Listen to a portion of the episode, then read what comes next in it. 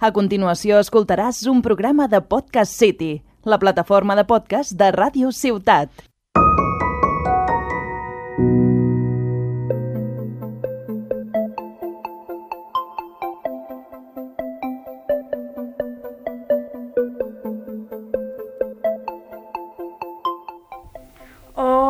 Todos y bienvenidos al programa de Las Sabiendas. Hoy vamos a presentar a Adrián Rosales, que comenzará en el fútbol femenino del Nastic. Buenas tardes. Buenas tardes. Buenas tardes. ¿Qué es lo que, qué es lo que te hizo pensar de apasionarte al fútbol? Buah, la, la verdad es que eso es una larga historia, porque yo de hecho tengo fotos de siendo un bebé con, con ya equipaciones de fútbol, con, con una pelota, socio de un club de aquí de, histórico de la ciudad. Es algo que viene desde, desde que soy pequeñito, yo creo que desde que estoy en la barriga. Y después, bueno, pues es algo que se va, va creciendo por la figura que voy teniendo de, de mi padre futbolístico, que es Luis, el presidente del Torreforta, el que me lleva a todos los sitios, el que ya me empieza a enseñar lo que es el fútbol amateur, el fútbol de barrio, el fútbol de casa.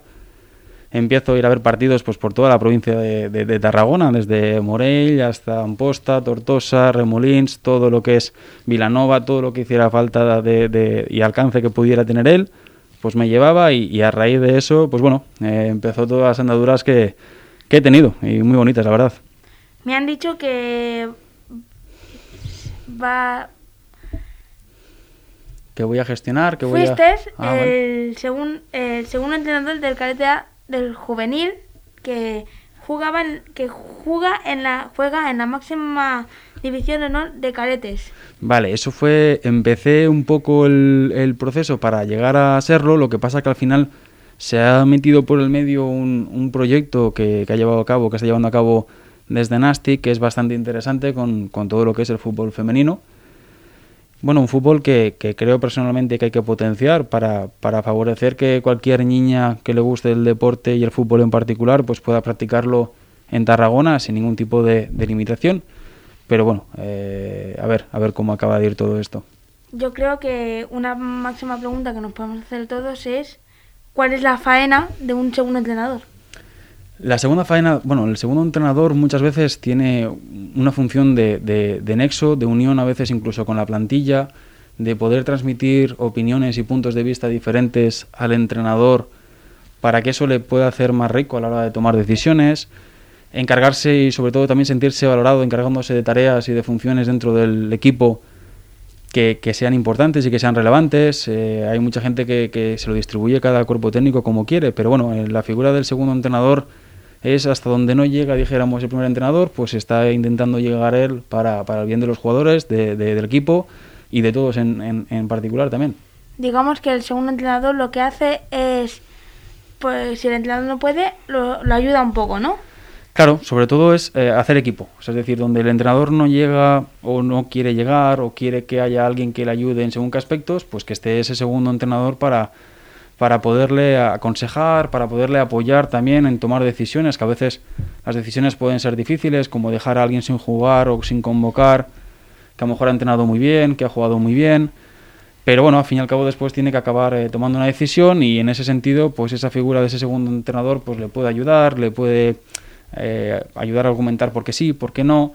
Bueno, es una figura bastante importante también, que a veces no se le da esa importancia, pero considero que, que dentro de lo que es un cuerpo técnico, todo, desde el primero hasta el último, son importantes en, en ayudar a conseguir los objetivos que se marquen, eh, tanto a nivel deportivo, personales, todo, todo lo que sea. También tengo entendido que fuiste coordinador de la Pobla de Mafumet. No, a nivel de lo que es eh, Pobla de Mafumet, lo que estuve es eh, echando una, eh, con lo que es el cuerpo técnico del primer equipo, ¿vale? Hacía una función muy específica de análisis en directo, ¿vale? Con, un ordenador, bueno, transmitía un poco la información que, que yo veía desde fuera eh, al cuerpo técnico para que la pudiera analizar y pudiera ver un poco eh, qué es lo que estaba pasando desde otro punto de vista, que a veces también es importante valorarlo y tenerlo para que bueno mmm, se pueda recibir más información en el cuerpo técnico en lo que es en el banquillo y poder tomar mejores decisiones o confirmando las que ellos pensaban o al contrario, al contrario haciéndoles ver otro punto de vista totalmente diferente eh, y que a lo mejor ellos mismos no se habían dado cuenta. Para volver a cuando eras pequeño, sí. eh, ¿te empezó a gustar mucho más de el fútbol de grande o de pequeño? Mm, Yo creo que de pequeño era algo más eh, mi hobby, mi distracción, mi deporte. Y siempre recuerdo estar con una pelota, jugando con amigos y, quedándome en la salle eh, hasta al- altas horas jugando allí a cualquier cosa que fuera, desde darle a un crossbar hasta bueno cualquier detalle de fútbol que hubiera, un, un- un mundialito, un partido.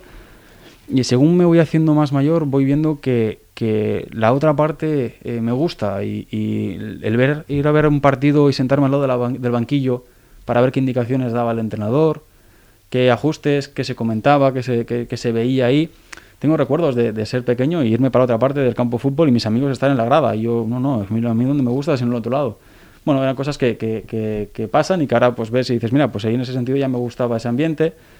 Y cuando ya me fui haciendo pues un poco más mayor, pues ya me empecé a especializar un poco más en lo que es en formarme, en, en que me gustara esa, esa faceta y eh, estudiar para ello, porque al fin y al cabo eh, la persona que estudia y que se intenta siempre aprender y querer aprender, pues bueno, es algo que, que, que te da sus frutos en el futuro. Por ejemplo, el fútbol tiene muchos estudios que tener. ¿Y a ti te pasa algo en especial para saber que te tenías que dedicar a eso? Sí, la verdad es que esta pregunta es una pregunta bastante, bastante, eh, vamos, eh, precisa, con- concreta, no sé cómo decírtelo, la, la clave de la pregunta. Siempre en la vida para eh, construir algo tiene que haber primero una destrucción y, no fue más que la muerte de mi padre, o es así de claro. Eh, él falleció y al cabo de un tiempo empecé a notar que, que mi vida sinceramente no era lo que yo quería vivir. O sea, no, no, no, no quería vivir ese estilo de vida que estaba viviendo pero más que nada porque no estaba relacionado con lo que a mí me apasionaba y me gustaba, que era el fútbol. Y desde ese momento eh, me planté, mm, lo, lo expliqué, lo argumenté, tenía una, tengo una familia y, tenía unas responsabilidades que, que, que- conllevar, ¿sabes? Es decir, que traer, pero sí que desde mi pareja y mi familia pues supieron estar al lado mío y supieron decirme, oye, mira, pues si esto es lo que te gusta y esto es lo que te apasiona, la vida solamente hay una, por lo tanto, inténtalo, mm, implica todo el esfuerzo que tú quieras en ello y que tú creas en ello, porque, bueno, al fin y al cabo, de la vida eso, en eso consiste. Y la verdad es que estoy muy contento de haber tomado esa decisión. Y yo ya te digo que viene todo de una cosa muy fea o muy mala, como puede ser la tristeza de perder un, de perder un padre. Pero bueno, después eh, eh, he sabido, gracias al apoyo de todo, como te he comentado, pues resurgir un poco en ese sentido. La verdad es que sí, es una pregunta muy buena. Gracias a... Antes de que muriera tu padre, el fútbol lo veías como un hobby, ¿no? Sí, eh, era como mi pasión, era como mi, mi diversión, pero como que anteponía las cosas que tenía que como obligación, como mi, mi familia, como el traer dinero a casa, como el que lo prioritario era eso y a lo mejor estaba descuidando que lo prioritario era lo que verdaderamente hace que te que sientas, que, que- vivas, que, disfrutes. Y eh, verdaderamente eso fue lo que me pasó, el, el, pasé ese luto, ese, ese duelo y fue como un poco decir, ¿y ahora qué voy a hacer yo? ¿Con qué voy a disfrutar? ¿Con la vida que llevaba hasta antes? Pues me parece a mí que no.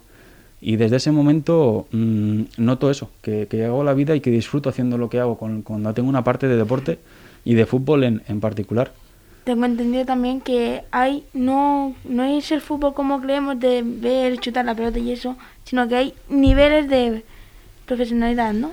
¿Podrías explicar qué es? Sí, la verdad es que el, el fútbol que vemos por la tele eh, hay muchísimas cosas detrás de lo que es el simple hecho de ver un partido de, de fútbol desde, ya no te hablo a una escala muy, muy grande y muy profesional y muy competitiva, yo te hablo a veces de un simple cuerpo técnico que pueda haber en un club, eh, bueno, que ya es algo competitivo, pues una división de honor o, algo más, más normal y cotidiano, pues siempre hay muchas facetas que, se pueden hacer y, y hay muchas cosas que puedes estudiar, que puedes eh, trabajar desde el nivel de nutrición, desde el nivel de, de tecnología relacionada audio- audiovisual, desde un primero y segundo entrenador, desde fisioterapeuta, desde readaptadores y después ya la estructura que pueda haber hasta dentro de un club eh, para hacerlo profesional y llevarlo arriba, pues es espectacular la cantidad de gente y de cosas que pueden haber y que se necesita pues que esa gente esté formada, que esté arreglada, que esté que delante también de unos niños haya alguien con, con, con no sé cómo decírtelo, con, con esa formalidad, como he dicho antes, que están registrados, que estén inscritos, que estén bien preparados, porque al fin y al cabo un niño que también que pueden entrenar, pues tiene que tener esa, esa, buena educación, esa buena formación eh, por alguien impartido por un profesional, no por alguien que sea, bueno, sí, yo he sabido, he jugado a fútbol, no, no, sino que, al fin y al cabo eh, eh, esté todo esto regulado, como al fin y al cabo últimamente lo están haciendo, que, que eso es muy importante, que todo se regule y que todo se controle. Entonces sabemos que ahora mismo que hay mucho más detrás de lo que pensamos que vemos a través de la pantalla desde el campo. Pero, pero muchísimo, es, es una barbaridad de la cantidad de gente y de personas que están detrás eh, para, es que a nivel audiovisual, a nivel de todo, para poder llevar un partido a casa, la cantidad de personas que intervienen. Pero bueno, incluso para que todo salga bien, pues hay, hay muchísima gente que está, que está detrás y está claro que, que es muy importante que, que, esta gente lo esté para que se pueda disfrutar del deporte, para que se pueda disfrutar del fútbol que hay otros deportes también que, que necesitan ese, ese apoyo, esos recursos, también es una forma de hacerlo. A lo mejor con esta entrevista, pues poder dar ese toque a esos deportes minoritarios que también quieren ser eh, vistos y, y, y, tener su notoriedad en, en, en, prensa y en, a nivel audiovisual. Y bueno, yo la verdad es que lo único que busco eh, a nivel de deporte también en general es eso, que, que, que se regule bien, que se trabaje bien, que se cuide bien a la gente, que entre todos son personas y nada más. Nada más. Ya para terminar, que te, qué te impulsó a...? Porque el Nastic eh, tenía, tengo entendido que antes no tenía muy buen equipo de fútbol femenino. Bueno, es que de hecho hubo una muy ligera y corta periplo por, por, por, por lo que es el, el, fútbol femenino hace unos años. Eso quedó en nada y ahora, pues bueno, desde el club ha, ha creído oportuno que tiene que potenciar esa, esa parte, que es muy interesante para la ciudad y para el mismo club que se lleve a cabo de una forma estable, de una forma duradera, de una forma eh, generando unas buenas bases, unos buenos cimientos. Y bueno, en eso estamos, en eso estamos un poco trabajando poco a poco hasta donde podemos y tal, para intentar que llegue ese fútbol femenino, como hemos dicho, a todas las niñas de la ciudad que quieran jugar al deporte rey, que es el fútbol, y, y, y que bueno que lo hagan con una, con una con unas que no tengan carencias, dijéramos, que tengan unas, una seguridad, uno, unos cimientos que sean fuertes para que les permitan a ellas jugar durante muchísimo tiempo y que no llegue unos, eh, a unas edades que por lesiones, por eh, falta de formación de la gente que a lo mejor les ha acompañado, por, por carencias de otros aspectos, pues no puedan, no puedan seguir jugándolo. ¿Y crees ya que el fútbol femenino del Nastic puede, puede llegar a ser algo importante? Ostras, yo la verdad es que me gusta embarc embarcarme en los retos y en los proyectos eh, que les vea un futuro y que les vean algo eh, llamativo e interesante. Yo creo que este sí que lo es. Eh, la verdad es que el tiempo dirá exactamente si lo es o no, pero yo la verdad es que estoy muy comprometido con ello y vamos a trabajar lo máximo que podamos para intentar hacerlo y, y, no hay metas. Yo no soy una persona que me marque objetivos, sino que me marco el día a día y el día a día pues intentar hacer lo máximo posible para llegar al, al, máximo nivel que se pueda estar. Vale, pues muchas gracias por escuchar este primer programa de la temporada de Las Sabiendas y nos vemos en el siguiente. Adiós. Adiós, gracias.